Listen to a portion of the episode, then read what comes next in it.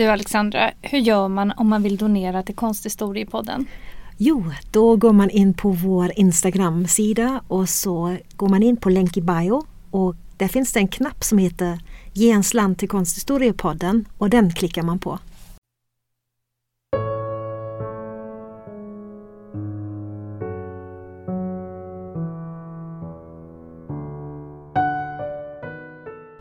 Hej och välkomna till På resande fot med Konsthistoriepodden. Jag heter Alexandra Frid. Och jag heter Alexandra Härlitz. Idag så har vi tagit oss till The Getty Center i Los Angeles som ligger uppe på ett berg och eh, innehar en av USAs viktigaste samlingar eh, med europeisk konst. Och egentligen är uh, The Getty Center mycket mer än bara denna konstsamling för det är också en, eh, ett forskningsinstitut och, eh, och det finns också ett av de största biblioteken för konsthistoria i världen här på detta område. Ett väldigt stort område är det med stora byggnader. Mm. Det är ju, när man kommer från Europa eh, och besöker det här museet så jag tror att man ska, man ska nog inte tänka på det som att det är ett museum utan just att det är en samling från en privatperson. Så, eh, utställningarna är ju absolut inte heltäckande men, men man kan definitivt se att eh, John Paul Getty hade en, en, en väldigt bestämd stil, att det, finns vissa saker som han föredrar. I samlingen menar du? Ja. Ja, ja det finns mycket um, Egentligen allt från renässansen, nej det fanns också medeltida ja. illuminationer mm. men allt från renässansen och fram till 1900-tal var det i alla fall. Ja. Uh, och han hade ju samlingen till en början i uh, en, ett litet hus i italiensk stil på sina egna ägor i Pacific Palisades i Just Los det, Angeles. Malibu, ja. Eller i Malibu. Mm. Ja. Och eh, sen efter han gick bort så bestämde man sig att det skulle bli det här stora museet och det Mm. var väl 1979 Just tror jag. det. Och sen dröjde det ju ändå till 1997 som det här museet då eh, öppnade sina portar för allmänheten. Precis, och jag tror att planerna drogs igenom 1982 ungefär. Man bestämde sig för att det var eh, Richard Meyer, en amerikansk arkitekt, som skulle stå för bygget. Och det är ju väldigt speciellt också att komma Mm. hit till det här området. Det är alltså ett väldigt stort område verkligen. Man får starta där eh, i dalen kan man säga med Ja. en, en liten eh, tram, en liten Bergsbana, bergsbana. ungefär. Ja. Eh, men Eller eftersom, gå, vi gick ja. faktiskt upp. För det Hur långt sa de att det var? Det var two quarters of a mile, så ungefär en kilometer rakt upp gick vi. ja men det var, nej th- three quarters of a Ja, mile. three quarters of a mile. Ja. Ja, så en kilometer Ehm, ungefär. Och sen stod det när man går upp till fots Ja. en liten varningstext att eh, i området kan det finnas bergslejon och Skallerormar. skallerormar och uh, prärievargar Ja. men Vi klarade oss. jag har inte träffat några.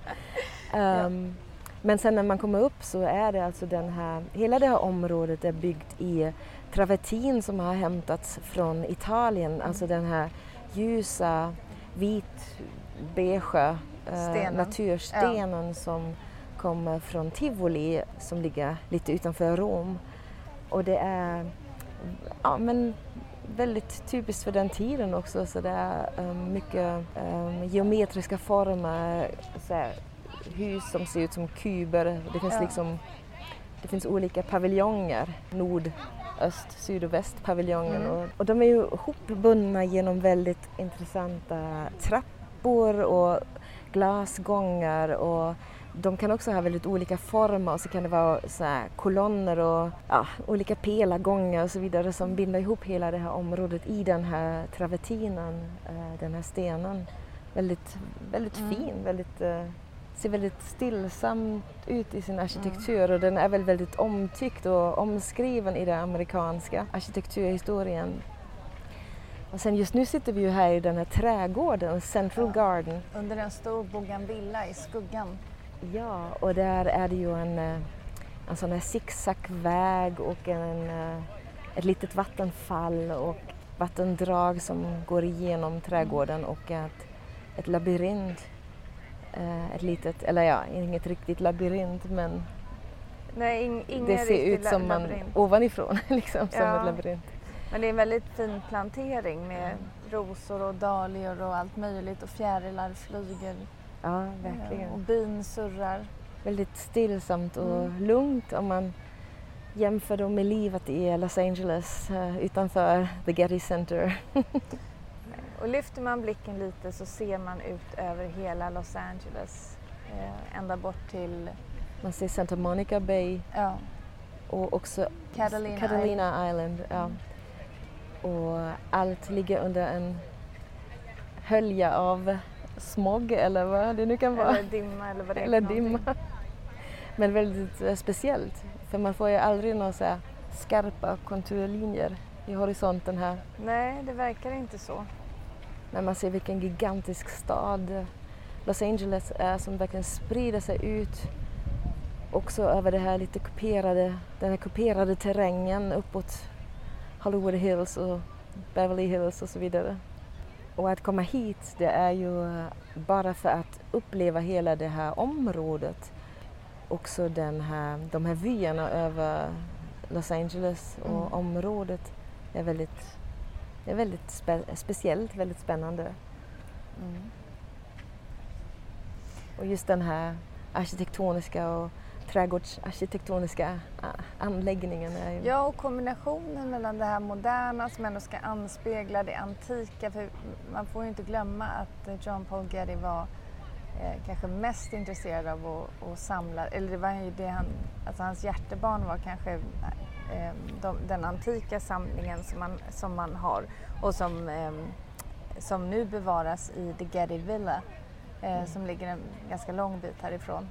Men man kan definitivt tänka att det finns en, en tanke bakom själva samlingen och vilka material som man har valt i, eh, i arkitekturen. En sak som är lite rolig att det just nu är det ju, det finns ju alltid temporära utställningar här också. Mm. Och just nu visar de den danska guldåldern. det Ja. var väldigt otippat.